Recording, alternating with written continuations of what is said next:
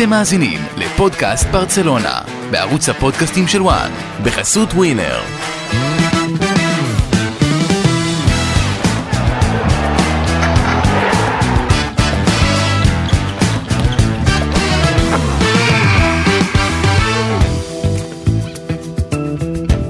פודקאסט ברצלונה, פרק 60, יום הולדת עגול לפוד, והוא חוגג אותו עם ניצחון 3-0 בקלאסיקו ההכנה נגד ריאל מדריד, ניצחון שהגיע, צריך להזכיר, אחרי ההפסד 5-3 לארסנל. אה, איתכם באוזניים אורי רייך, איתן אסטודילו ונדב זילברשטיין מאתלטיק קליניק, מה נשמע חברים? מה קורה?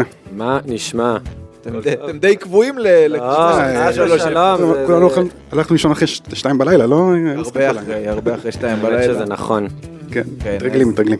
טוב, אה, הרבה נושאים על הפרק, גם הקלאסיקו, גם ענייני כספים, חלון העברות, כרגיל בברצלונה, אבל אה, איתן, אה, הלכתי הפעם על רייטינג. בואו נתחיל עם האיש שאף אחד לא השעה. דיבר עליו, כן, ממש איש השעה, השעה אחת בלילה, אחת חמישים זה היה כן, בערך. לקראת הסוף. אה, האיש שאף אחד לא דיבר עליו עד לפני 24 שעות, ועכשיו כולם מדברים עליו בברצלונה, כמעט, כמעט רק עליו במלפוניאדה נדבר על השני. כן. אה, פרמין לופס, מאיפה הגעת אלינו? מכוכב חלל? תשמע, בוא נתחיל עם זה שאף אחד לא דיבר עליו. דיברו עליו יותר בברצלונה. זאת אומרת, בתוך אה, אנליסטים או כתבים שעוקבים אחרי, אז מאוד התעניינו בשחקן. אבל בוא נתחיל בפרטים. מי אתה פרמין לופס? אז הוא בן 20, ידי- יליד אה, וולבה, אה, אנדלוסיה. הגיע לברצלונה מבטיס ב-2016. קצת דומה לסיפור של גבי. זה גיל 13 למי שצריך כן, חישוב. חישוב. אז גם פחות או יותר, כן, כמו גבי. גם חבר טוב מאוד שלו, יצאו ביחד לחופשות וכאלה, אבל זה פרט שולי. אה, כשהוא עלה מקבוצת הנוער לקבוצת המילואים, הוא האריך את החוזה עד 2024, זאת אומרת שלא חוזה לעוד עונה. אה, ומיד הושאל אה, ללינארס, מהליגה השלישית, מהפרימרה רף, כמו שקוראים לזה בספרד. ובקבוצה האנדולסית הוא כבש אה, 12 שערים ובישל עוד ארבעה. רוב השערים שלו אגב הגיעו מחוץ לרחבה, משהו שראינו גם אתמול, זה היה די מעניין. ואנליסטים בספרד אוהבים מאוד להשוות אותו, שחקן שמזכיר להם הוא דני אולמו, שמזכיר שהוא גם הוזכר לברצלונה ואפילו קצת לריאל מדריד אה, בשנים האחרונות. אז כן, הוא זריז, טכנית, קצת דומה באמת לדני אולמו, אה, יש לו את היכולת כיבוש כמו שראינו אתמול, ומה שבאמת אה, די מדהים זה היכולת מסירה שלו ומסירות לעומק, זאת אומרת לפני הבישול לפרן, ראינו פס עומק כזה ללבנדובסקי שהיה טיפה חזק והוא החמיא לו, כאילו לבנדובסקי נתן לו את האצבע, לו, אז מעניין לראות אם באמת הוא ייכנס למה שצ'אבי רוצה, שזה השחקן התקפי שיחליף קצת את פדרי, ייתן לו מנוחה, וגם לכנף שמאל שיכול לתת פייט אולי לגבי, ורוטציה עם גונדואן אם צריך. כן, הזכרת את זה נכון, שהוא הוא- ראינו אותו משחק בקישור, אבל הוא שיחק גם בלינאריס כמעט מחצית מהמשחקים ככנף שמאל, שזאת עוד עמדה שהיא בעייתית, בעייתית לשל עוד עמדה כן. בברצלונה שהיא בעייתית. אה, אני, אני מאוד אהבתי את מה שראיתי גם, שוב, בתור אוהד, לראות את ההתלהבות הזאת, לראות אותו, איך הוא חוגג את השערים, את הניצחון מבחינתו, זה לא היה סתם. איך לומר, אנחנו יכולים להגיד שאפשר להוריד את טיפת ההתלהבות מהמשחק הזה, כמו שאנחנו לא הרסנו הכל אחרי ארסנל, אנחנו לא עכשיו נרים את אה, כל האיצטדיון אה, רק בגלל המשחק ידידות הזה, בסוף זה משחק ידידות, גם אם זה מול ריאל מדריד, אבל לא, זה היה חשוב. היה חשוב לו להוכיח את עצמו, היה חשוב לתת את המקסימום, כל משחק נגד ריאל מדריד מבחינתו, בתור מי שגדל במועדון, זה משהו, משהו לחלום עליו בלילה. נשק לסמל, גם. בשריקה היא נפל על הרצפה, רשמתי להם את זה בקבוצה, גם נפל על הרצפה ואתה יודע, בכה כזה. זה מבחינת גמר ליגת האלופות, מה- מבחינתו. כן, מבחינתו זה ממש אה, הישג. עכשיו, הנקודה המעניינת פה היא גם מבחינת ההתנהלות של ברצלונה עם השחקני נוער שלה ושחקני בית. מי שדיבר על זה דווקא מישהו שלא פה כרגע בפאנל זה אה, אור, אור בסן, שגם אה, חלק מוואן. הוא דיבר על הסימן השאלה המאוד גדול שיש אצל הגידול בברסה אתלטיק. על האם באמת שחקנים טובים מצליחים לגדול שם, או שהם פשוט עושים את הקפיצה הזאת מעל ברסה אתלטיק ישר לברצלונה, או כמו שעשה אה, פרמין לופז, דרך השאלות. שזה לא קורה בדרך כלל בברצלונה. שזה לא קורה, וזה סימן שאלה מאוד גדול על גם ככה מינויים, בוא לא אגיד בעייתיים, אבל ספק מקצועיים שהיו בברסה אתלטיק בכל המחלקות נוער, שפתאום יש לך את סביולה או מרקס, או אנשים שאתה אומר, טוב, סבבה, זה דמויות שכולם אוהבים, מגניב, אבל האם הם האנשים הנכונים לעשות את זה? בטח אחרי שפיטרת את פימיינטה. מעניין. טוב, על אה, פרמין, קודם כל אמרת, הוא חגג כל הלילה, אני דמיינתי את זה, אתם מכירים את הרגע הזה שאתם, כאילו ניסיתי להיכנס ל- לראש של, של פרמין לופס, שלכל בן אדם יש את הרגע שהוא מתעורר בבוקר, רק פותח את העיניים, ואז פתאום חוזרת לך, כאילו, התודעה של מי אתה ואיפה אתה ואיך ממש. קוראים לך. של הנגובר. חשבתי על זה הבוקר, אתה יודע, הוא פותח את העיניים, ואז הוא אומר לעצמו, מה, מי אני? אני, אוקיי, אני פרמין לופס, והוא אומר, אני כבשתי אתמול שער בקלאסיקו, ובישלתי שער בקלאסיקו. קודם כל, איתן אמר, שער ממרחק. שזה משהו שהוא מאוד חשוב בברצלונה, ראינו גם את רומאו מנסה. לרגע. ברגל שמאל, כמו שאורן קדוש מתעקש להגיד, הרגל הפחות טובה, לא הרגל החלשה, הוא ימני ברגל, אה, גם רומאו נותן את זה את האיום ממרחק, אבל לא פחות מהגול עצמו, שאגב מה שהיה מרשים פה זה גם משחק הלחץ. רפיניה לחץ, ופאטי לחץ, וסרג'י רוברטו נתן מסירה מהירה. הבישול, הבישול שלו מתחיל מזה שהוא גובר על צ'ואמני במאבק, אחרי זה הוא מסדר לעצמו את הזווית ונותן צ'יפ גדול לפרן תורס, ובאופן כללי, חוץ מהטכניקה שיש בו, יש בו שילוב מאוד מעניין, שוב, מהקצת שיוצא לנו לראות אותו בברצלונה, זה השילוב גם טכניקה, גם הבעיטה מרחוק, המסירה, גם מאוד פיזי, אנחנו רגילים שכל החבר'ה האלה שעולים מלמסיה, כי כתבים שעקבו אחריו לפני שהוא עזב את ברצלונה ללינארס, אה, אמרו שהוא מאוד אה, רזה, ועכשיו הוא חזר. אה, אה, זה סוג הקשרים שברצלונה מגדלת, את החבר'ה הקטנים הזריזים האלה שאין להם פיזיות. יכול להיות שניגע בזה שלינארס... בהמשך עם בדרי, אבל נדבר על זה. כן, ואז גם אצלו זה מקרה דומה שהוא פשוט חזר קיץ עם יותר מסת שריר, זה גם... יכול להיות שלינארס היא הביירן מינכן של הליגה השלישית. אתה אולי. שולח אותם לשם כאלה דקיקים והם הוא חוזרים כנראה הרגיש פיזית. טוב, כן, הוא הרגיש טוב יותר שם. כנראה שכן. ועוד דבר מעניין לגביו, וזה הדבר שהכי בלט לי אצלו, יש שחקנים, אני יודע שזה נשמע כאילו, לא- זה לא יישמע כאילו מקצועי, אבל יש אנרגיה ששחקן נמצא על הדשא, יש שחקנים שהם נינוחים כאלה, שהכל קורה בכזה חצי איטיות, פדרי כזה, שאני מת עליו, אבל יש משהו מאוד מאוד נינוח ומגדירים את זה כקלאס במשחק שלו, ופרמין הוא לא כזה, הוא תזזיתי, הוא אנרגטי, הוא נלחם על כל כדור, הוא מתקל, הוא כל הזמן מחפש קדימה, כל הזמן מחפש עומק, גם הפס הזה ללבנדובסקי, גם הבישול לפרן תורס, גם הבעיטה, יש בו איזושהי אנרגיה מאוד ורטיקלית נקרא לזה, הוא לא מחפש את הרוחב, הוא כל פעם מחפש את העומק, והביטחון הזה גם, שיש לו לעשות את הדברים ולהיכנס ולהיכנס למאבקים. כשאנחנו מדברים על שחקן שהבכורה שלו הייתה לפני כמה ימים בבוגרים נגד מילאן, נגד אה, ארסנל. יוצא לי מילאן, הערבוב הזה, אה, נגד ארסנל ועכשיו נגד ריאל מדריד, משהו באופי עוד לפני כל עניין הטכניקה והבעיטה והמסירה, משהו באופי שלו אותי מאוד הרשיך. של גבי אמרנו. חבר של גבי, אה, גם ריקי פוץ' היה כזה. היה פרסום, נכון, ריקי פוץ' גם היה כזה, אבל פחות פיזי, יותר קטן. ברור. ופחות באיום ממרחק. אפרופו גבי, היה דיווח, קראתי בבוקר, גבי יותר צעיר ממנו. כן. היה רשום שגבי לוקח אותו כמו אח קטן. כאילו, חונך אותו בענק. כזה בברצלונה. שוכחים כמה גבי צעיר לפעמים, זה קטע. גדול. אה, פרמין לופז, אה, מעבר באמת, אתה מדבר על האנרגיה הוורטיקלית, אני חושב שזה משהו שגם מאוד אה, מצופה משחקנים אה, חדשים, או בוא נגיד אה, שחקנים צעירים שעולים מהנוער, באים לקבוצה הראשונה. הרבה פעמים זה נראה כאילו חושבים על משימות פשוטות, אני ארוץ, אני אלחץ, אני לא יכול לטעות אם אני ארוץ ואלחץ, פה, פה לא יכולה להיות טעות.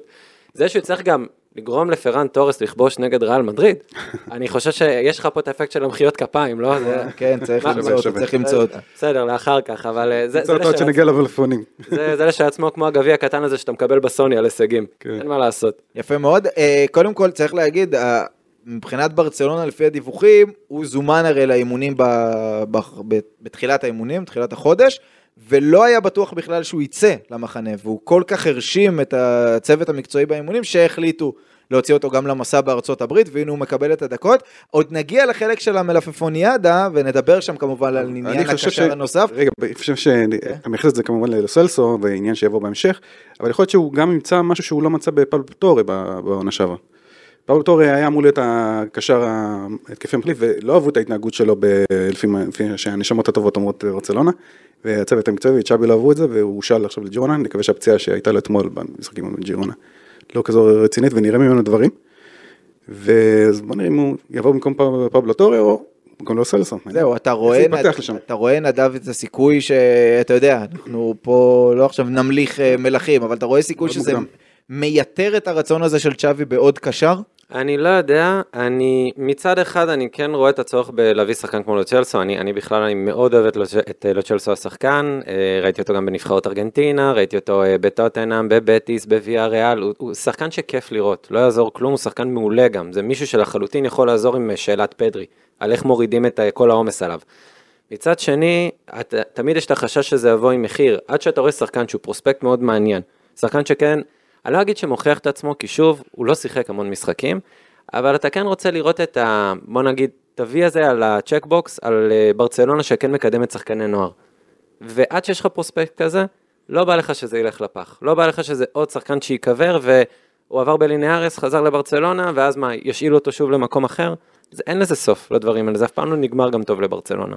טוב, אנחנו עוד נגיע לזה במלפפוניאדה, למה האופציות והאם הוא צריך להיות חלק או לא צריך להיות חלק ובאיזה לבל. אה, נצלול גם לעוד שמות עוד מעט, חלק מהמשחק, חלק במלפפונים, אבל בואו נדבר רגע על צ'אבי והמערך, אחרי שהוא שיחק 90 דקות, 4-3-3 קלאסי נגד ארסנל, ראינו שם את אה, פאטי באגף, את אה, עבדה באגף, בקלאסיקו הוא חזר לרביעיית קישור שלו, עם הכדור, דיברנו על זה בפוד הקודם, לקראת אה, מסע המשחקים הזה, האם נראה יותר 3-4-3 מברצלונה. אה, עם הכדור זה היה יותר דומה בעיניי ל-3-4-3 ממה שראינו בשנה שעברה, גם כי אראוחו היה so called מגן ימני והוא כמעט בכלל לא הצטרף. כן, למרות שוויניסיוס כמעט ולא היה שם, צריך להגיד, אבל זה כבר צרות של פודקאסט כן. אה, ריאל מדריד. אז זה כן היה נראה לי יותר, כמו, יותר דומה ל-3-4-3 ביחד עם הכדור, אה, אבל צריך להגיד, זה לא היה קל מול מרכז השדה של ריאל מדריד, למרות שברסה הייתה עם רביעיית קשרים, וכמות המצבים שריאל מדריד הגיעה אליה, הייתה מאוד מאוד גבוהה. חמש פעמים פעו בקורות או במשקופים. חריג, חריג, זאת אומרת שאנחנו מדברים על הגנה שעלתה ההגנה הכי חזקה למשחק הזה. היא עלתה ההגנה הכי חזקה. שוב, אני גם, אי אפשר להוריד ממה שריאל מדריד עשו בקיץ והקישור שהם בנו. אה, בוא נאמר, עדיין מרגישים אה, חוסר של שחקן בסגנון של מודריץ' או קרוס, שבאמת אה, יכולים לנווט את המשחק מרחוק, אבל מבחינת אתלטיות, אינטנסיביות, מבחינת אה, כישרון עם הכדור, קשה מאוד להתמודד עם זה. אני גם לא חושב שברצלונה היו ערוכים לאינטנסיביות שריאל מדריד הגיעה אליה. שוב, זה היה מאוד בולט נגד ארסנל, שארסנל, היו לה את הסיבות שלה, היה לה משחק מאוד משמעותי, מאוד קרוב, הם גם מתחילים את הליגה קודם. כן. אבל במקרה של ריאל מדריד, אני, אני יכול להבין את זה שיש חשש, מצד שני, אני לא יכול להוריד מזה שזה בכל זאת ריאל מדריד שמנסה לבנות לעצמה קישור מחדש ויש לה עומק לא הגיוני. המזל של ברצלונה זה שבן זמה החליט שהוא עובר. כן. זה באמת, הוא מאוד הורגש, מאוד הורגש. מאוד הורגש. של בנזמה, התכלס בהתקפה. אבל אתם יודעים שריאל מחפש את צרפתי במקומו, כן? כן, למרות שגם בפה הוא לא בדיוק בנזמה. בדיוק, אני נוטה להסכים פה עם איתן, לא- זה לא אותו תפקוד, אני לא חושב שזו אותה נוכחות גם. אתה מתאר לי את ההרכב האידיאלי של ריאל, זה כאילו הרכב סבבה, אה, שנשמע חלומי וכיפי, אבל...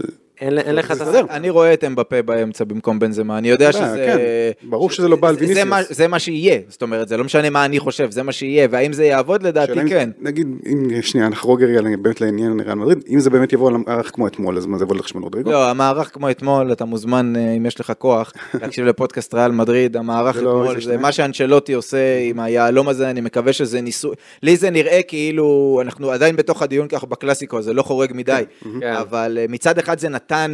לריאל מדריד להחזיק את הכדור, ולמרות שצ'אבי עלה בארבעה קשרים, כן. הפוזיישן היה של ריאל מדריד, אבל כן, המערך הזה הוא פשוט, הוא מסרס את ריאל מדריד, אין לה כנפיים, זה דוחף את ויניסוס לאמצע במקום לכנף. אה, ולוורדה לא יצא קדימה. לא, לא טוב, לא טוב, לא טוב המערך הזה. יש לך גם ברומר ודיונג, אבל זה סוג של התאים את הצורה הזאת, את המערך של ריאל מדריד. זאת אומרת, הדאבל פיבוט הזה באמת אה, גרם לבלינגהם קצת לעבוד קשה. נכון, עכשיו לנצח 3-0 את ריאל במשחק שבו, וצריך להגיד את זה, התוצאה היא קצת משקרת, גם צ'אבי עצמו נכון. אמר שהתוצאה הייתה יכולה להיות אה, שונה לגמרי, אבל לנצח 3-0 את ריאל במשחק שבו ברסה בהרבה שלבים לא הייתה טובה יותר, וגם בהרבה מאוד שלבים שיחקה בלי כמה שחקנים מאוד חשובים זה יפה. לגבי המערך, אני אוהב את הארבעה קשרים, אני עדיין חושב שברסה, אולי זה מתחבר עם פרמין, לדעתי זה יותר מתחבר עם אבדה, שזה עניינים כלכליים, היא צריכה winger שמאל אחד טבעי כדי שהיא בכלל תוכל לשחק את ה-4-3-3 לפעמים, כדי שיוכל להיות לה את הגיוון או הזה. או את המגן הימני האמיתי, כי גם דסט לא ממש משרת את לא, זה. לא, לא דסט, לא דסט, כן, אנחנו עוד נגיע למגן הימני, כן, דסט, וואו, זה באמת, מה שוויניסיוס עשה לו שם זה היה... זה היה לא נעים. אסטרונאוט או חייזר, כמו שאומרים לקרוא לו בעיתונים. לא נעים, לא נעים. לא מחובר. אבל עוד משהו אחד אחרון על צ'אבי, דיברתי על המערך, אני רוצה קצת לדבר, כמו שדיברתי על פרמין, על אופי. צ'אבי הכניס בברצלונה אה, חוסר פחד. הם באו מול יריבה פיזית, אתלטית, מהירה, לחץ גבוה של ריאל מדריד, וברצלונה לפעמים אפילו ב...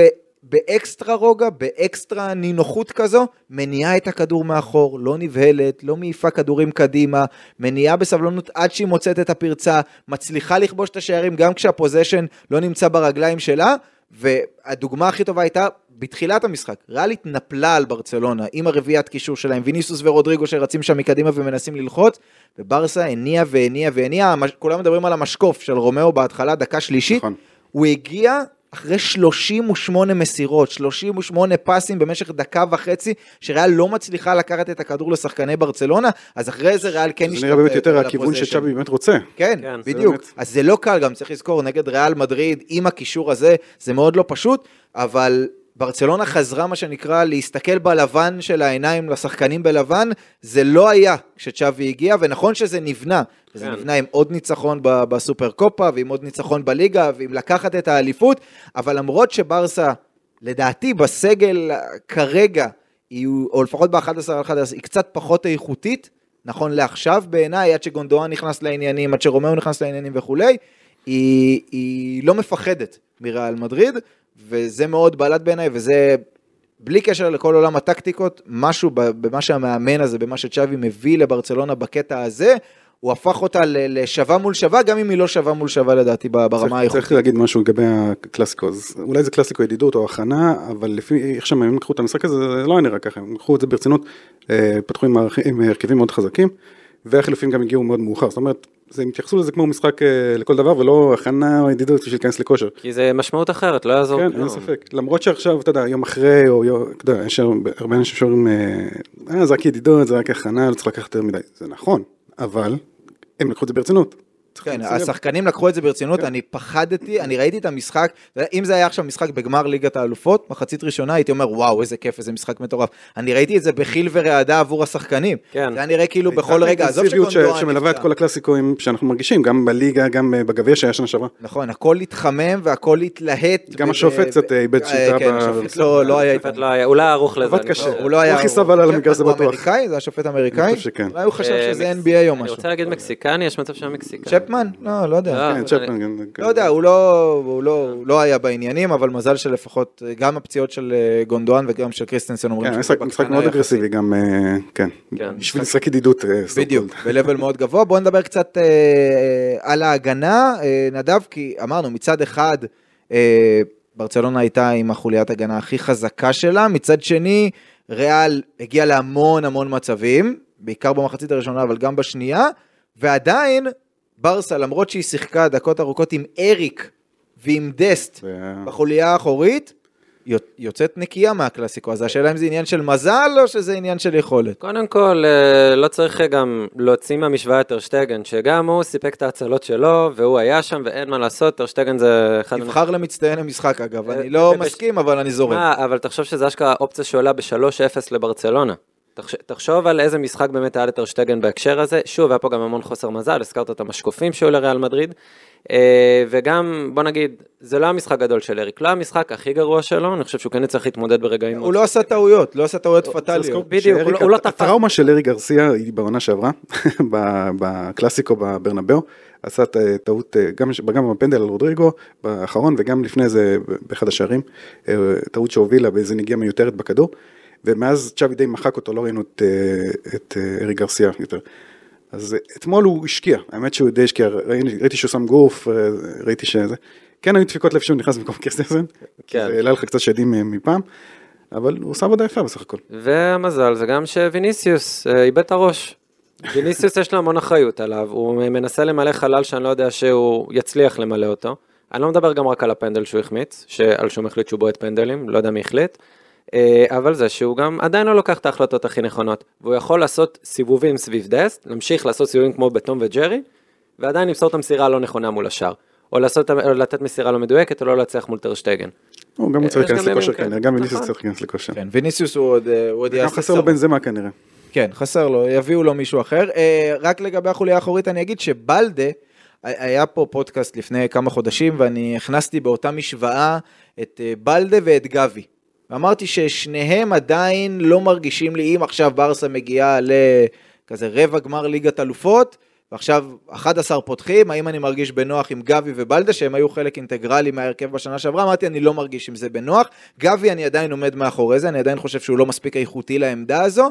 אה, בלדה, שוב, כשזה נהיה סוג של שלושה בלמים, המערך של ריאל גם מאוד הקל עליו, כי לא היה אף אחד בעצם בקו, היה רק את המגן שצריך להתמודד עם, אה, עם הווינגר או עם הצטרפויות של גונדואן לשם, והיה לו את כל הקו, אה, כל הקו לרוץ עליו. אה, ואותי הוא, הוא מאוד אה, הרשים לא רק במשחק הזה, אלא בכלל מאז שאמרתי את זה, אז עכשיו אני עושה איזה סוג של תיקון. אני כן הרבה יותר רגוע עם בלטה, זה לא אומר שאין לו מה לשפר, זה לא אומר שהוא לא חייב למנן את הכניסות האלה לאמצע, אני לא יודע למה הוא חולה עליה להיכנס לאמצע הזה. אה, צ'אבי לדעתי, אני מקווה שצ'אבי לא מכווין אותו כל הזמן לשם, ואומר לו גם לרווח קצת לצד, כי הוא צריך לרווח לצד, אבל גם קצת כמו פרמין, יש פה איזושהי אנרגיה מתפרצת, ומהירות, וכוח מתפרץ, ויציאה מהמקום, וטכניקה לא רעה. שוב, יש מה לשפר, אבל דיברת על השתלבות של צעירים, מתוך כן. המחלקה וכולי. אה, זה עוד לא שם. זה עוד לא שם, אתה פחות, אה, פחות אה, מתחבר? אני אגיד לך מה, בלדה כמו עוד הרבה שחקנים מהקו האחורי של ברצלונה, מאוד תלויים באתלטיות שלהם גם. מספיק שהגיע, לא יודע, מה זה היה, יונייטד שנה שעברה? ביירן? מספיק שהגיעו שחקנים באמת עם מהירות באופן הזה, אמבפה אולי שיגיע לריאל, אני לא יודע מה צריך להתמודד עם זה באמת. הוא, הוא אתלטי, הוא מהיר, הוא, הוא, טכני, הוא טכני באופן יחסי, עדיין הוא קצת מתקשה עם ההשתלטות על הכדור ומסירות תוך כדי תנועה. ואני עדיין רואה איך, איך יכול להגיע למצב שפשוט יגיע השחקן הזה שיצליח להתמודד איתו עם המהירות, ולא יהיה לו מה להציע. דוקא נגד ארסנל היה דוגמה טובה. אה, במחצה הראשונה היה מרקוס אלונסו שסבל שם מאוד מסאקה. סאקה. ובמחצה השנייה דווקא כן התמודד יפה בבלדה עם, אה, עם סאקה, בגלל המהירות. אבל כן, הוא עדיין צריך לשפר דברים, אבל רואים עליו את הביטחון. אה, הרמת ביטחון שלו עלתה מאוד, ובלי ג'ורדי אלבה זהו, הוא המגן הפותח, אין פה שאלה אחרת. נכון? כן, הוא המגן הפותח, זה יותר נותן סימן שאלה על מה יקרה כשהוא לא יהיה כשיר. אגב, צריך להגיד שהוא נפצע הרי בסוף של השנה שעברה, והיו חששות שאולי הוא. לא יהיה ב-pre season. עשור עבודה טובה מאוד. התגבר על זה יפה, התגבר על. זה יפה ונכנס לעניינים. אה, אגב, איך אהבתם את, או לא אהבתם את אה, קונדה בתור בלם? כי. אה, הוא עשה מה שהוא יכול, אה, הוא התמודד עם לחץ היסטרי על ה... הוא דווקא היה טוב, אני כן. אני דווקא חושב שהוא היה טוב. זה היה אחד. מהמשחקים שלו כבלם בבברצלונה הכי טובים. כי כל פעם שהוא ראית גם על שיחק הפרצוף קצת שלו, כאילו כל פעם שהוא הרחיק כדור וזה, הוא היה בתוך זה, הזכיר קצת את אה, קונדה של סביליה, שבאמת. היה שם בלם. דווקא לא ירד בתור בלם. כן, סוף סוף, כי היו פעמים, זה היה- הייתה לי תחושה בעונה שעברה, שמרוב שהוא תורגל כמגן ימני, שכשהוא כבר היה בלם, הוא כאילו איבד קצת מה, מה, מהחדות שלו בפעולות, ואתמול, נגד אולי המשוכה הכי קשה שאפשר להתמודד, לפחות ב-pre season, זה היה נראה די, אה, זה היה נראה די יפה.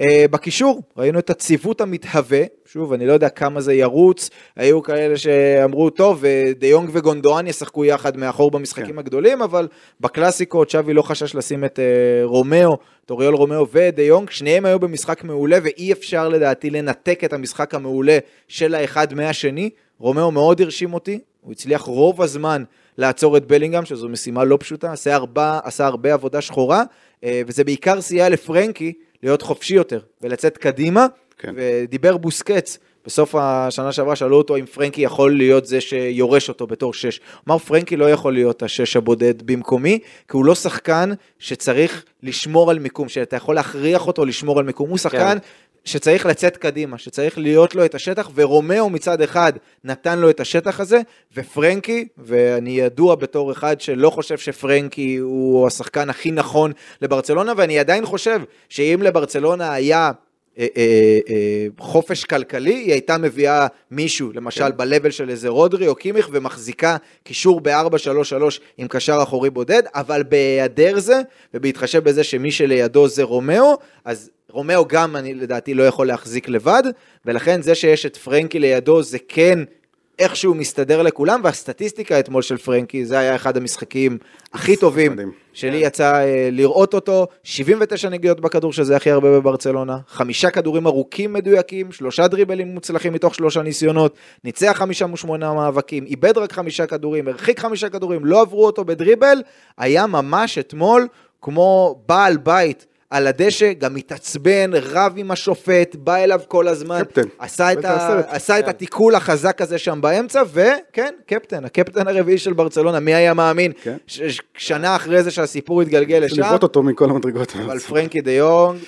אתמול באמת היה מדהים. זה, הוא הזכיר לי את המשחק ההוא, את ה-1-0 הלא צפוי שהיה בגביע נגד אה, ריאל מדריד, ה-1-0 שברצלונה הגיע למעשה עם פשוט חולצות ריקות של ברצלונה על הדשא, כי לא היה שחקנים להציע. זה היה מסוג השח... המשחקים שפרנקי דה יונג פשוט לקח את כל הקישור של ריאל מדריד על הגב שלו.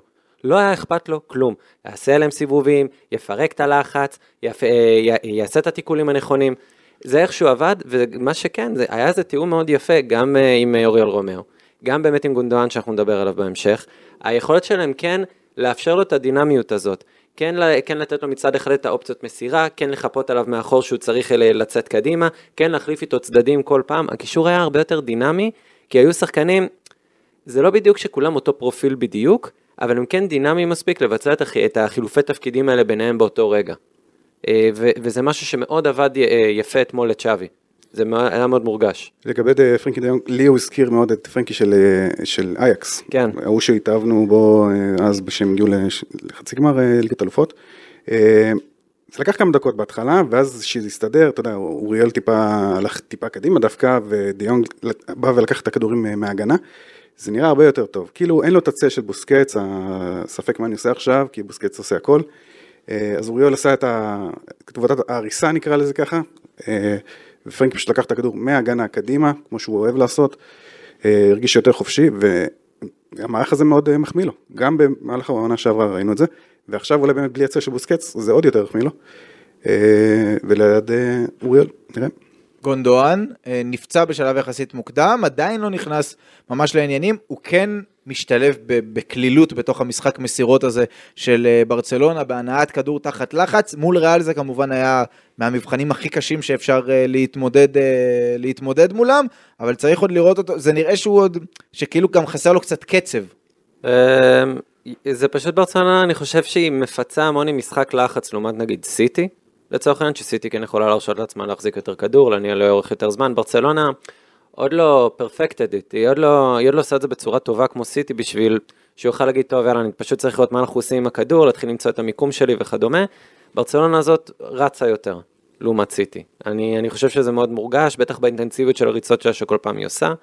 הוא ייכנס לזה, נראה מה יהיה. אני, אני דווקא מאוד רגוע עם גונדואן. תשמע, גונדואן בא אתמול על חשבון גבי, פחות או יותר, במערך הזה, וכן צריך לשים לב ליתרון שיש לגונדואן על גבי, מן הסתם, זה ההפרש שנים והניסיון, אז כן, הפסים הקטנים, כן, המסירות היו נכונות יותר, נגיד, אה, פחות אה, השתוללות כמו שאנחנו מצפים מגבי, אז אם זה ישתפר, אז יכול להיות שם כיוון מעניין, כי הוא כן שיחק בצד שמאל אה, בסיטי בתקופה הטובה שלו בחודשים האחרונים, אז יכול להיות שזה יתאים. כן, זה היה קצת פחות, אה, קראנו לגבי הכנף המזויף, זה היה לדעתי יותר קשר באמצע מצד כן. שמאל מאשר ממש בכנף, ובאמת לבלדה היה ממש את כל, ממש ה... את כל הקו כן. לרוץ שם, ושוב, בגלל זה זה היה נראה לפרקים יותר כמו ממש שלוש, עם השלושה בלמים מאחור. המערך הלא סימטריה, זה כמו כן. שאומרים, בגלל זה קונדה כביכול הוא לא מגן טבעי. ו... כן, אגב, אני חושב, רק קצת לחזור אחורה, אבל אם ישחקו שלוש ארבע שלוש, ולא נגד ריאל מדריד, אז הראוך הוא זה שבעיניי צריך להיות הבלם המרכזי, וקונדה הוא זה שצריך להיות הבלם כן, הימני כדי ויניסיוס. לבנות קדימה,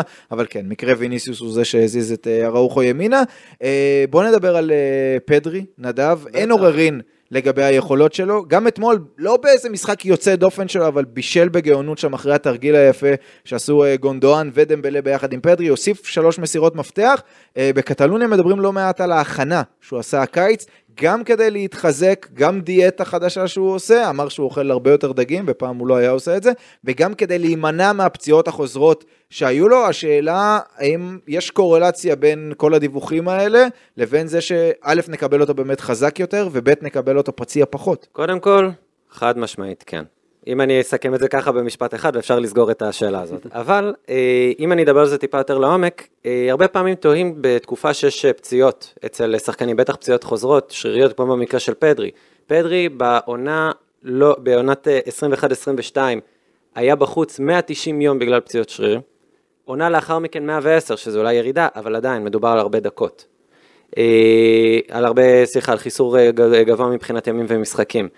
אה, עכשיו, השאלה היא כזאת, ברצלונה במצבים כאלה, שיש שחקנים שנמצאים בתבנית של הרבה פציעות שריריות, כמו גם עם דמבלה, כמו גם עם מסי אגב, שהיה צעיר והתחיל לקבל יותר דקות, והיא מתחילה לעשות חושבים על לגבי, על מה היא כן יכולה להשפיע בשביל לעשות את השינויים האלה. יש גורמים שאי אפשר להשפיע עליהם. גיל, גנטיקה וכדומה. לא יודע, אם גונדואן פתאום ייפצע וזה יהיה חמור, או במקרה של אפילו דוד סילבה, שכבר אי אפשר להחזיר אותו והחליט שהוא פושר אחרי קרע בצולבת, אתה אומר, מה לעשות, הבן אדם כבר מבוגר, הוא עשה את שלו, הוא לא, הוא לא יחזור כבר אותו דבר.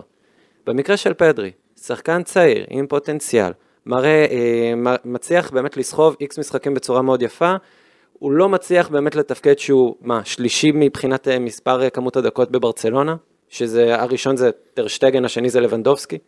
יש גבול לכמה יכול לסחוב באופן הזה. עכשיו אומרים, טוב, מה שעובד נגיד לגבי, שכמעט ולא נפצע, לא עובד לפדרי באותו אופן. אז מתחילים לעשות התערבות.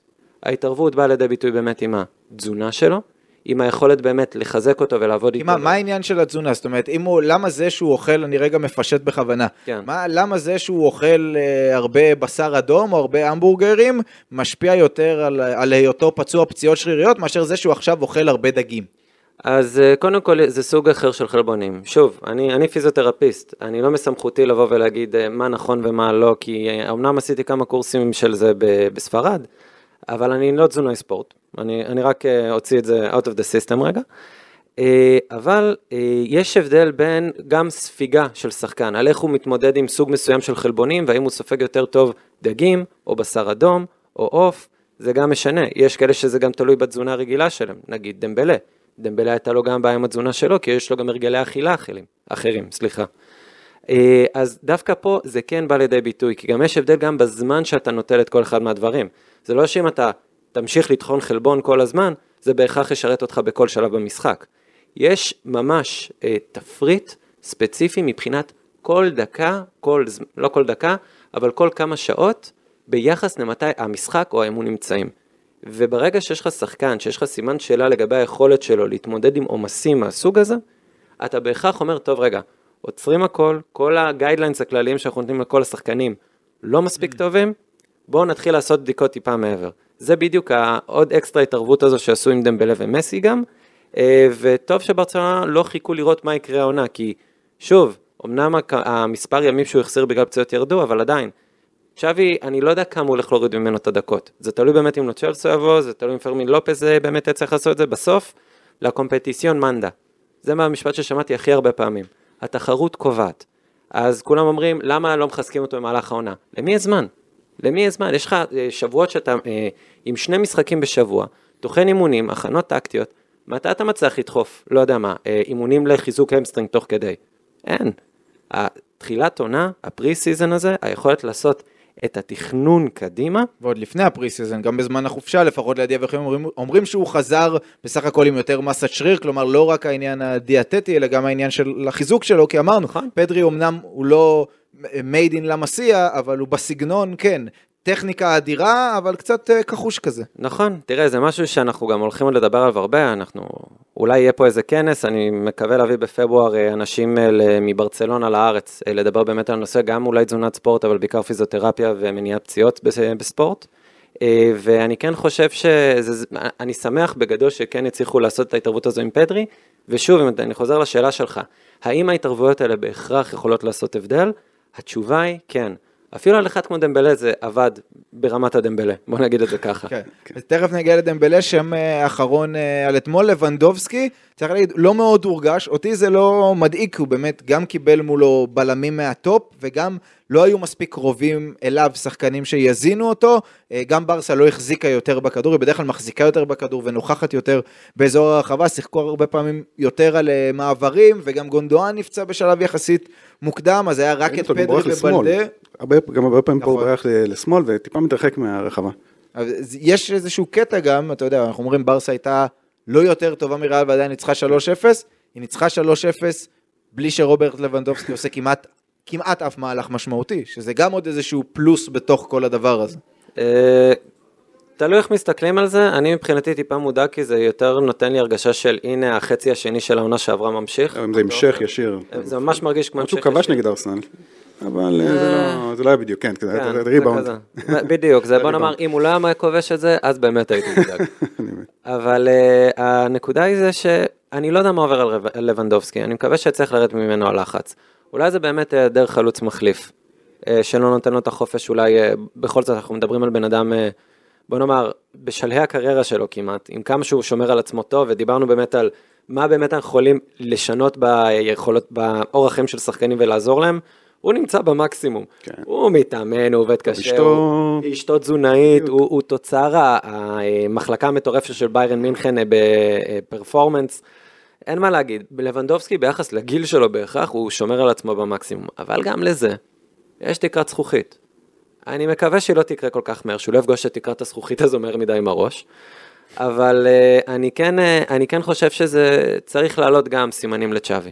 בנוגע למה כדאי לעשות עם לבנדובסקי בשביל לה- להצליח להחזיר את השחקן הזה חזרה. אתה יודע מה, אז לפני שנעבור למלפפונים, איתן, בינתיים, שני משחקים גם נגד אה, ארסנל, גם נגד ריאל מדריד, מי ששיחק כגיבוי של לבנדובסקי, זה היה פרן תורס, תורס, נכון. שגם הוא נראה שהוא חזר טיפה יותר אה, מנופח, אה, וגם הוא כובש שני עם שערים. חשק להוכיח. עם חשק, בדיוק, כי כולם אומרים שהוא הבא בתור לעזוב אחרי קסיה ולנגלה אני- ו... גם ו- כשהוא השיק את המגרש שלו אה, בוולנסיה וגם עכשיו ברעיונות, תמיד שואלים אותו מה מה המצב שלך בקבוצה, מה זה, והוא תמיד כזה עונה בחצי ציניות. על אני פה, כאילו, מה מה אתם רוצים? יכול להיות אבל שעד ש... שוב, בעולם כלכלי אידיאלי היה כבר את ויטו רוקה, אבל אם אין את ויטו רוקה ולא מצליחים להיפטר ממנו, אולי לא, פרן תורס... נראה שזה הכיוון, כמו שהתחלת עם השאלה אה, על, אה, על פרן. אה, נראה שהוא באמת הולך להיות התשע המחליף אה, של לנדובסקי, כשאנסו ואולי עבדה יהיו יותר החבר'ה שבצד שמאל. השאלה האם אפשר להשאיר את כולם ביחד, להחזיק את כולם כן, כלכלית יחד שוב, אם בסגל. תגיע הצעה 30-40 על אה, עבדה, אז לא נראה לי ש... אני, אני חושב שאידיאלית זה המצב שקורה כרגע, שפרן תורס מצליח להוכיח את עצמו ולספק מספרים, ואז אולי נצליח למכור אותו. אמרת למכור, אמרת. ועכשיו, המלפפוניאדה. טוב, אז אה, פרן תורס הבנו, אה, נדב לא, ב, לא בעדו, אה, למכור אותו, כן, גם ברצלונה לא, כן, גם ברצלונה בגדול באידאל למכור אותו, אבל יש שם אחר שתופס את הכותרות, אנחנו מקליטים עכשיו השעה קצת אחרי שתיים, כן. יש עוד 34 שעות לסעיף של אוסמן דמבלה, סעיף שחרור, שתם לו בסוף ה-31 ביולי. והוא עומד על 50 מיליון אירו. אז תמונת מצב למי שלא עקב, בשבוע שעבר בפודקאסט פה סקרתי יחד עם לבנטל ועם נדב בירן את כל השמות שעשויים לעזוב, והחלטתי בסוף ככה להכניס את השם של דמבלה בגלל הסעיף הזה, שיש לו אותם 50 מיליון אירו, והייתה פה סוג של תמימות דעים על כך שלמרות שהסוכן שלו מאוד אוהב את הכסף הגדול, ורצה גם לעזוב בקיץ הקודם, בחינם כשנגמר החוזה, זה נראה, ככה חשבו, שדמבלה ימשיך. בסוף השבוע התחיל פה קרב בין כלי התקשורת הבכירים בצרפת, חלק טענו שפריז הולכת על דמבלה כבר עכשיו, חוזה לחמש שנים, יש אישור של השחקן, הנה זה קורה, אחרים טענו שהיא מעוניינת, לא משהו שהוא חדש, אבל שזה עדיין בלי מגעים ושהרצון של השחקן יכריע. עוד פרמטר שחשוב לציין פה, אם זה קורה עכשיו, כלומר היום או מחר, מתוך ה-50 מיליון האלה, 25 מיליון הולכים לסוכן שלו ולדמבלה, שזה המחיר שברסה משלמת על זה שהיא האריכה חוזה גם תחת החשש שהוא יעזוב בחינם, וגם תחת הלחץ של צ'אבי, שלחץ מאוד להשאיר אותו. מאוגוסט, מה-1 באוגוסט הסעיף הזה עולה ל-100 מיליון, כשאין עדיין דיווחים, וזה הכי מעניין אותי ועוד לא ראיתי דיווח על זה. האם גם ב-100 מיליון יש חלוקה עם הסוכן, או שזה 100 נקי? אה, בברסה רוצים להאמין שדמבלה יישאר, הוא אומר שטוב לו, הוא אוהב את שווי, אבל גם שווי אתמול בסוף המשחק אמר, הכל יכול לקרות בחלון העברות, אני לא פוסל את זה. איתן, האם דמבלה יעשה נאמר? תשמע, הסיפור מאוד פשוט. יש לנו כמה שעות, פריז פשוט יכולה לבוא למשרדים של הליגה, לשים את הצ'ק, מה שנקרא. לשים את הצ'ק היא יכלה גם אתמול, אבל היא צריכה שדמבלה ירצה לשחק כן שם. של דמבלה, בדיוק. עכשיו השאלה אם, אם זה, זה יקרה, כי... בוא, צריך לזכור שמי שהגן... זה, על- זה קשור דמבלה- רק, ב, רק בדמבלה בסוף. זה בסוף זה- הכל זה בידיים של דמבלה. ויחסי דמבלה צ'אבי, כאילו, כמה הוא באמת חייב לו, הבן אדם די הציל לו את הקריירה, שרקו לו בוז בקאמפ נו, ואנשים, ויכול להיות שגם פה, גם מגיע הסיפור, אולי הנקמנות טיפה של הסוכן, שהסתכסך טיפה עם אה, מטאו אלימן, כבר היו דיבורים, כבר בתקשורת שאלימן דיבר, עד שהגיע באמת ההסכם הזה, שאתה פחות אוהב עם ה-25-25, אבל לא באמת הייתה ברירה. לא, לא, אז בקיץ הקודם לא באמת היו הצעות, גם עכשיו, אה, לא יודע, לא, לא באמת הייתה התעניינות עד ההצעה הזאת של פריז, ופתאום ב, בימים האחרונים, כמו שאמרת. האם אתה חושב שהוא יעשה נאמר? האם הוא יברח? אני חושב ש... לטובת, צריך להגיד, אה, הוא יקבל שם עם 50 מיליון, שזה מה שפריז משלמת, הוא יקבל מענק חתימה מאוד יפה בנוסף, והוא יקבל חוזה לחמש שנים, שזה אמנם כמעט כמו מה שברסה מציעה לו, אבל בהרבה יותר כסף. ביטוח בריאות גם? ביטוח בריאות זאת שאלה טובה. שוב. השאלה האם אתה, האם אתה, האם אתה רואה אותו עושה את זה, האם אתה רואה אותו בורח, אני בעיניי, כמו להיות, שאתה אני, אמרת, לא, אני לא אופתע שזה יקרה, אם זה יקרה. אה, יש גם אנשים בברצלונה שלא באמת יבכו אם זה יקרה, כי כמו שאמרנו כבר, הסתכסכו איתו וסלחו לו קצת אה, אחרי חצי עונה טובה. בוא נראה, תשמע, נדב, עד כמה זה קריטי לברצלונה שאוסמן דמבלה יישאר? תלוי באיזה שלב בקיץ. עכשיו, עכשיו, ביומיים האלה. אני לא יודע, תראה, פריז, אם היא רוצה אותו, ואם דמבלה ירצה, אין לו בעיניי אינטרס לחכות לאוגוסט. כי באוגוסט, אלא אם נגלה שבאמת גם במאה מיליון סעיף, יש חלוקה של חצי-חצי, ואז הוא, הוא והסוכן שלו מכניסים עוד יותר כסף לכיס. אבל אם לא, אז פריז משלמת יותר כסף, 100 מיליון, וזה כמובן יפגע ביכולת השתכרות שלו בפריז. תראה, אם אני מסתכל על זה מערכתית, יכול להיות שברצלונה עדיין, שוב, בכל אה, החלטה מבאסת, שוב, אני לא יכול להוריד ממה שדמבלה כן נותן לברצלונה, והוא כן מצליח לתת, על כל מגרעותיו הוא עדיין אחד ממייצרי המצבים היותר טובים של הקבוצה. לא יכול, אי אפשר לקחת את זה ממנו, גם אומר משהו הרבה על הקבוצה לשל עצמה. אה, אבל אה, אם אני מסתכל על זה אחרת, בר- אה, דיברנו הרבה על זה שיש ערימה של שחקני כנף ימין בברצלונה, כולל איזה למין ימל אחד שמחכה אי שם בסוף הטור, ואנחנו רק מחכים לראות אותו משחק. ולעומת צד שמאל, שם אתה לא מצליח לשחק 4-3-3, כי אין לך שחקן שבאמת אתה מרגיש שאתה יכול למלא את החלל הזה. אז אולי, אולי באמת מערכתית, בצורה הרחבה יותר, זה הדבר הנכון לעשות. דמבלה, ב-X כסף, יכול ללכת, רפיניה יהיה פחות מבואס, למין ימל לקבל, יקבל עוד דקות, ואולי נראה מישהו יותר לגיטימי בכנף שמאל, שיוכל להיכנס לעמדה הזאת. כל זה לגמרי יכול לקרות. אני רק מקווה שזה יקרה בזמן הקרוב, ולא יגלו, כמו שאתה אומר, שאם ב-100 מיליון, אולי הסוכן שלו גם מקבל, וזה תהיה סאגה לכל הקיץ, ואז הוא באמת יעשה נאמר, שבדקה ה-90 יעבור, ואז נשים אה, כסף בפאניקה על איזה עוד אה, מישהו אחר.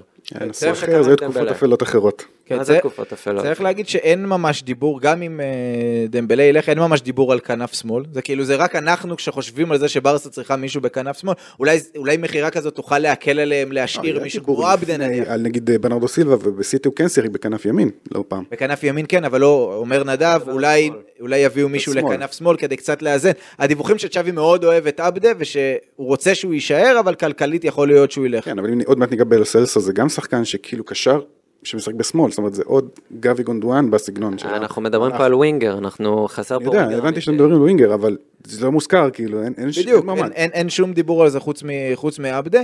אה. ג'רארד רומרו, צריך להגיד, אתמול אמר שבברסה רגועים, ושעדיין לדעתו, אם מישהו בין דמבלה לרפיניה ילך, יש יותר סיכוי שדווקא רפיניה הוא זה שילך. השאלה, איתן, אני אשאל אותך את זה פשוט. האם אתה רוצה שבסגל, האם אתה חושב שנכון לברצלונה שבעונה הבאה עדיף שיהיה את דמבלה או את רפיניה? תשמע, צ'אבי בטוח רוצה את שניהם, זה בוודאות. לדעתי, אבל הוא רוצה, הוא האחרונה, רוצה את שניהם כי דמבלה פשוט. לא מצליח להחזיק שירות. אם הוא היה. מחזיק שירות, אז, אז היה דמבלה ב-100 אחוז. וגם רפיניה נתן מספרים די יפים, למרות שהוא לא השחקן הכי אה, יצירתי ו... ו- ו- לא יודע, אה, משעשע כמו דמבלה נקרא לזה, הוא גם פחות מתאים למה שצ'אבי רוצה, ובוא נאמר, בדיוק. אבל הוא יותר שחקן של- שממושמע טקטית. הוא ממושמע טקטית, אבל בוא נאמר, כרגע לברצלונה גם אין מגן ימני שיתמוך ברפיניה. ולרפיניה, בשביל שאשכרה יצליח לעשות את הדברים שהוא רוצה לעשות, חסר לו תמיכה של overlap של מגן ימני.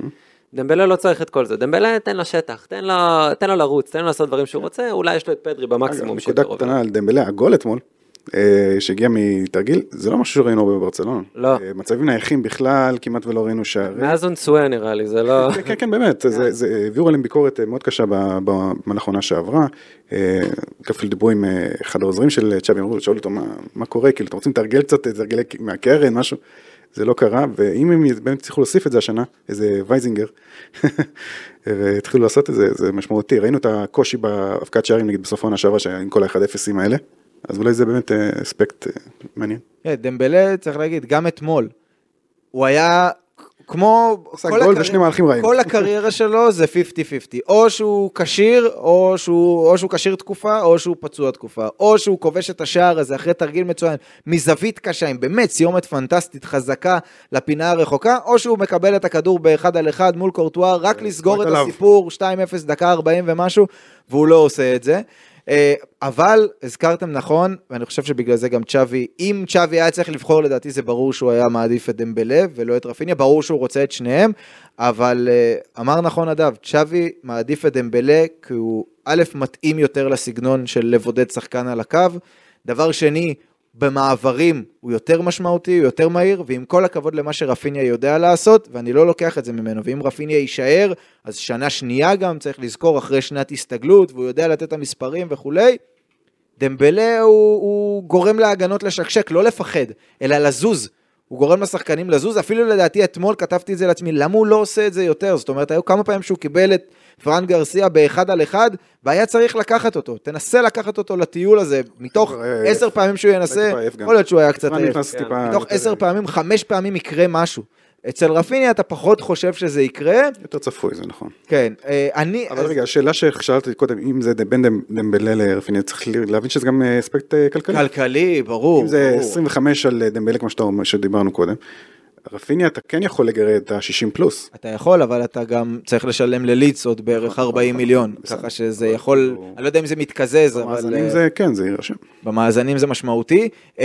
צ'אבי שוב, אתמול, אחרי הניצחון, אמר שבהנהלה יודעים שכדי לרוץ בכל המסגרות, מה שנקרא, צריך עוד לחזק, וכרגיל מדובר על מגן ימני ועל אה, קשר אמצע. אה, קשר, אמצע, צריך להגיד, לדעתי, גם לפי זה שחווי מיגל, שהוא כתב שמקורב לצ'אבי, מפמפם כבר שבועיים את השם שלו סלסו, זה אומר שגם צ'אבי מבין שברנרדו סילבה זה חלום שקשה מדי כלכלית להשיג, אלא אם, שוב, אלא אם דיברנו על זה בפודקאסט הקודם, אלא אם סיטי באמת הולכת על רפיניה עכשיו כשמאחרז הלך, ובתוך הדבר הזה אפשר להכניס גם את ברנרדו סילבה. אם לא, אז זה נשמע שאופציית לו סלסו היא באמת יותר ריאלית כלכלית, גם כי טוטנאם רוצה את קסיה, ויש גם משא ומתן על אנגלה, ולכן הכניסה של אוסלסו בתוך הדבר הזה יכולה להיות יותר הגיונית, ועל אף שגונדואן הגיע, ועל אף שיש את גבי, ועל אף שפרמין היה מצוין, ברצלונה בעיניי, אם יש לה את היכולת, ברור שברנרדו סילבה זה, זה עדיף. אוקיי, אין כן. בכלל ספק, הוא גם יכול לשחק בצד ימין, ולא רק באמצע, אבל לוסלסו יכול להיות יופי של תוספת. שוב, ברצלונה לא צריכה, אתמול, נכון, קסיה סופסל וגבי לא היה כשיר, אבל ברגע שגונדואן נפצע, נכנס סרג'י רוברטו. זה מעיד על כך שברצלונה של ארבעת הקשרים, ואנחנו הולכים לעבר שוב ברצלונה של ארבעת הקשרים, צריכה יותר עומק, יש לנו בעצם שני קווי קישור, את רומאו ודה יונג, שהם שניים, ואולי גונדואן יכול לשחק ליד, או ליד רומאו או ליד אה, דה יונג בחלק אגב, מהמשחקים. אה, נגד ארסנל גם הלך טיפה אחורה. נכון, ובמקדימה שוב יש לנו עוד שתי עמדות שכרגע יש לנו שם את פדרי ואת גונדואן ואת גבי, אוקיי, שזה נחמד אבל זה פחות טכני, פחות יצירתי, פחות מוריד ופרמין. עומסין, ופרמין.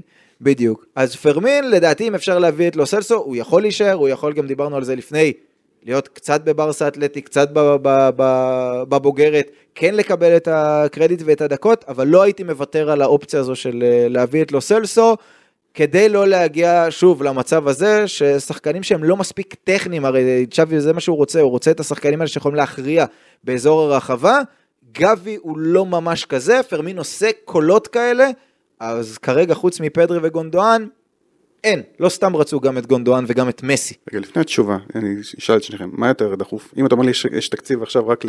או לקשר כמו לסלסו, או פרסנדה או מגן ימני אחר, מה אתה לוקח? קשה.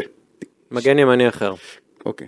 אה, מגן ימני אחר. אז בוא, ימני אז בוא אחר. ניגע רגע במגן הימני. אוקיי. אה, ובינתיים אני אנסה לחשוב על מה שאיתן שאל, אה, כי זה באמת קשה, כי לא, לא סתם צ'אבי רוצה את שתי העמדות האלו, אגב יכול להיות שמישהו אחר יגיד לך לא זה ולא זה, יש מגן ימני את אה, קונדה וסרג'י רוברטו, קשרים, יש מספיק הביאו את גונדואן, תביאו winger שמאל, אני- אין לך winger שמאל. עשית לי צמרמורת בכל הגוף עכשיו שאמרת שאלה האופציות שיש לנו בתור מגן ימני, אני, אני באמת מודאג.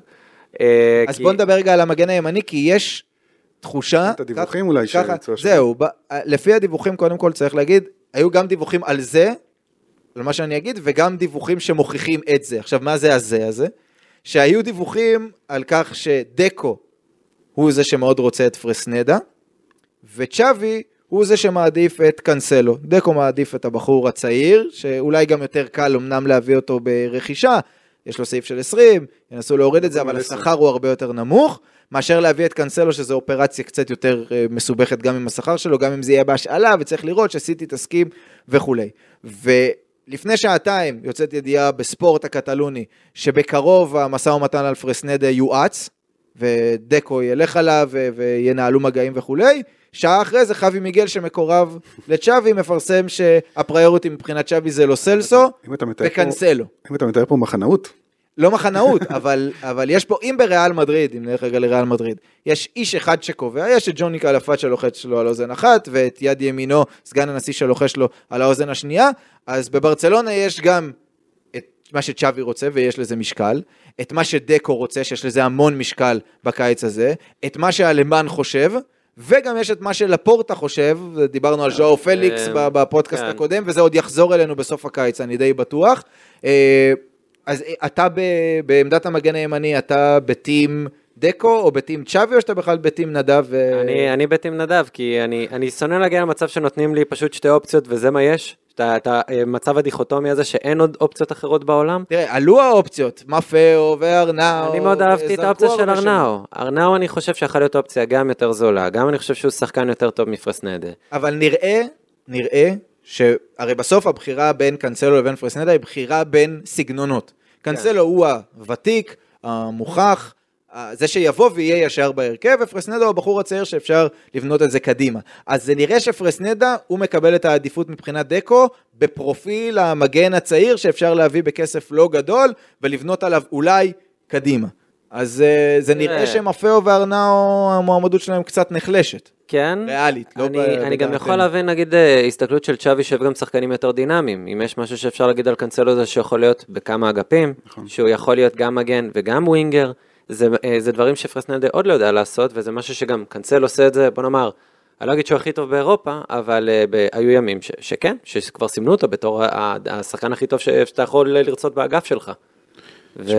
ובהתחשב בזה שהמחליף של. בלדה זה מרקוס אלונסו. בדיוק, אה, בדיוק. תשמע, אם יש יתרון לפרסנדה נגיד, אה, על ארנאו נגיד, זה פרסנדה יותר הגנתי. זאת אומרת, הפיצוץ של אה, פרסנדה, כשהוא פרץ לתוצאה, לתודעה, זה השמירה על ויניסיוס.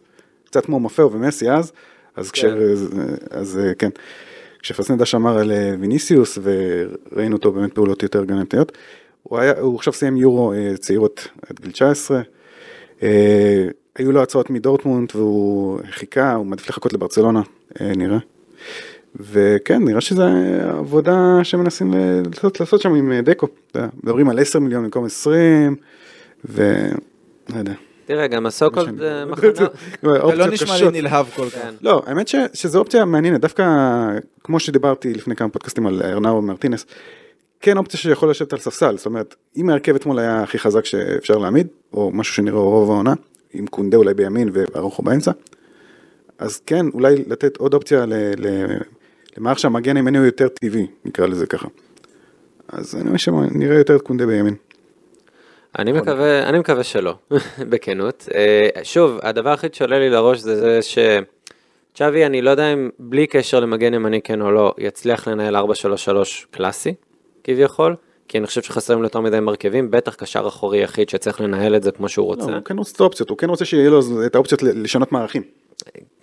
אוקיי. כן, אבל ארבע, אה, אני מסכים, אני מסכים שבשביל 4-3-3 כרגע חסר לו גם מגן ימני, גם קשר אחורי בודד שיכול להחזיק את זה, וגם ווינגר שמאל.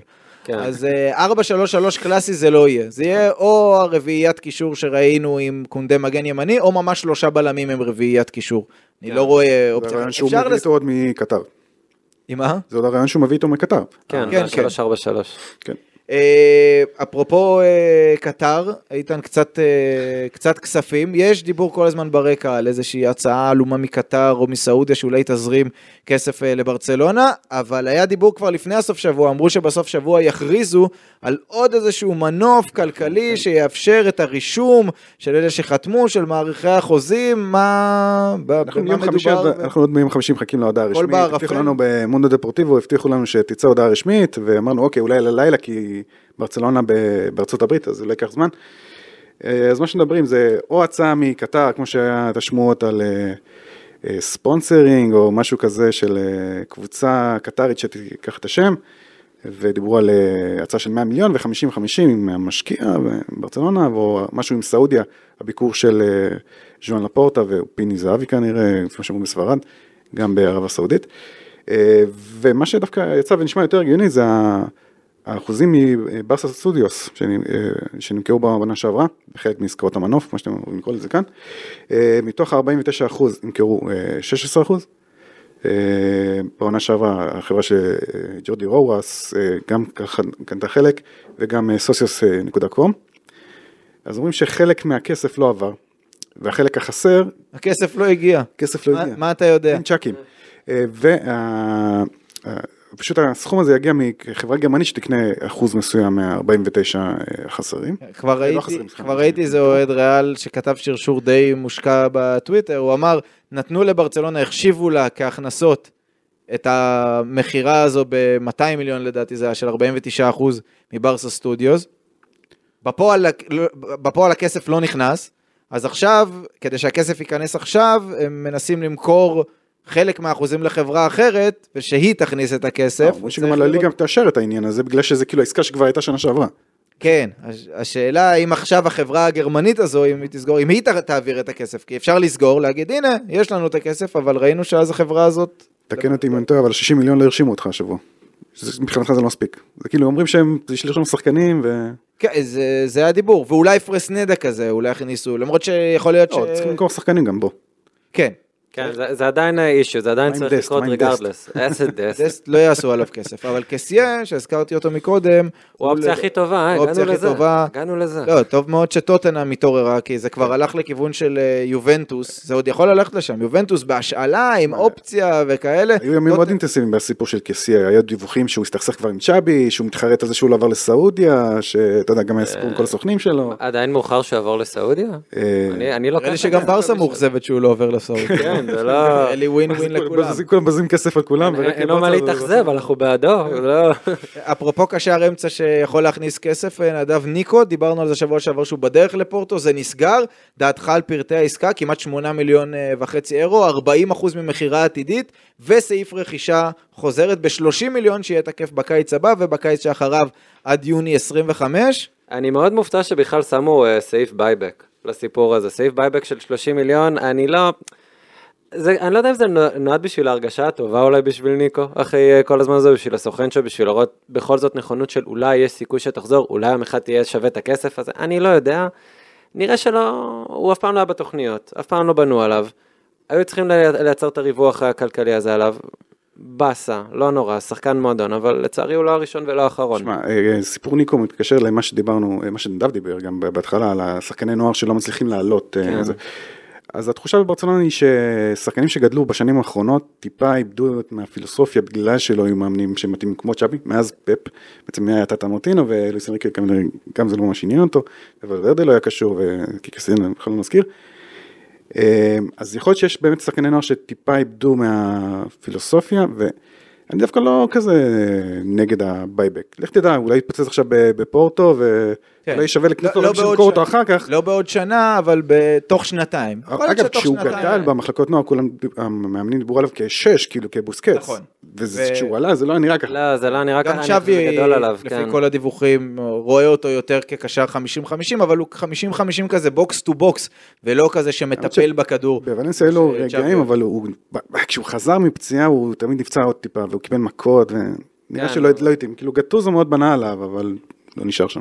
טוב, אה, שני משחקי הכנה נשארו לברסה עד אה, פתיחת הליגה, אחד מול מילאן השבוע, בשבוע הבא בגביע גמפר, משחק ראשון במונז'וויק, מעניין איך זה ייראה. זה ייראה, כן. ואיך זה יהיה, יש הרבה סימני שאלה.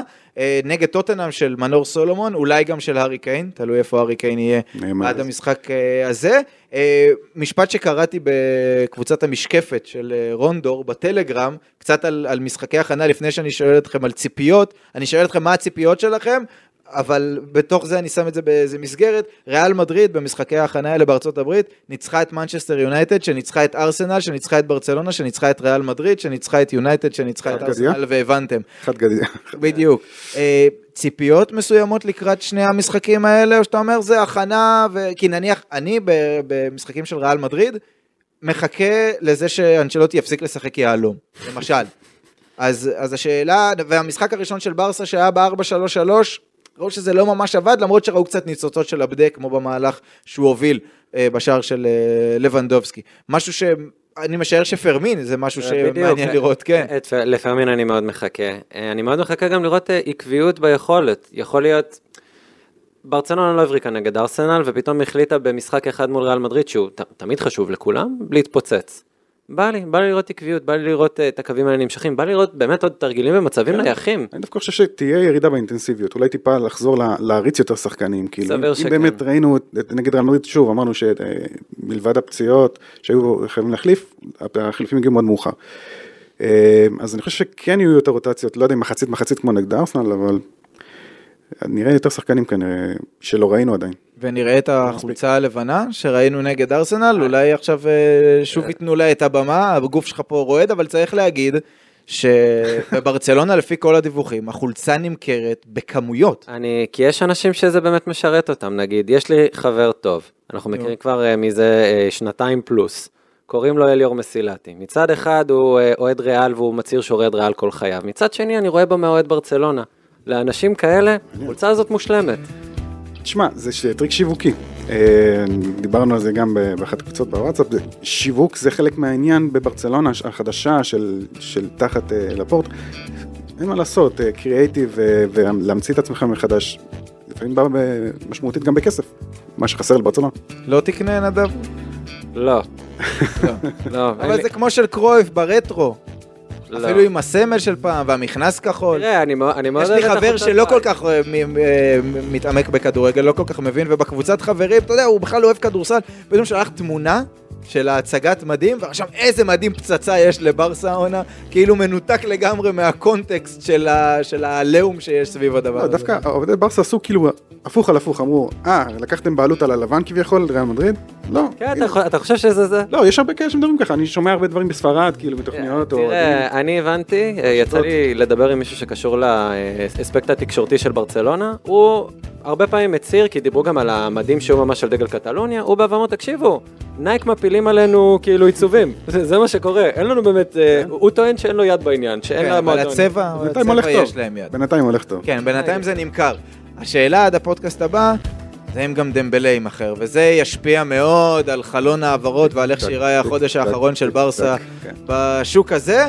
אה, אז אנחנו נחכה לפודקאסט הבא, זה יהיה ביום רביעי, אחרי המשחק אה, בגמפר שיוצא ביום אה, שלישי, נכון? שמונה באוגוסט. יום רביעי אחריו אנחנו נהיה כאן באוזניים שלכם, לקראת בעצם פתיחת העונה, פתיחת הליגה של ברצלונה. חוזרים לעבוד, כאילו לא עבדנו עד עכשיו, מה עשינו פה? מה זה מה שעכשיו? אה, איתן, נדב, תודה רבה לשניכם. תודה רבה. תודה רבה לכם שהאזנתם, נשתמע ברביעי הבא, עם או בלי דמבלה. ביי ביי.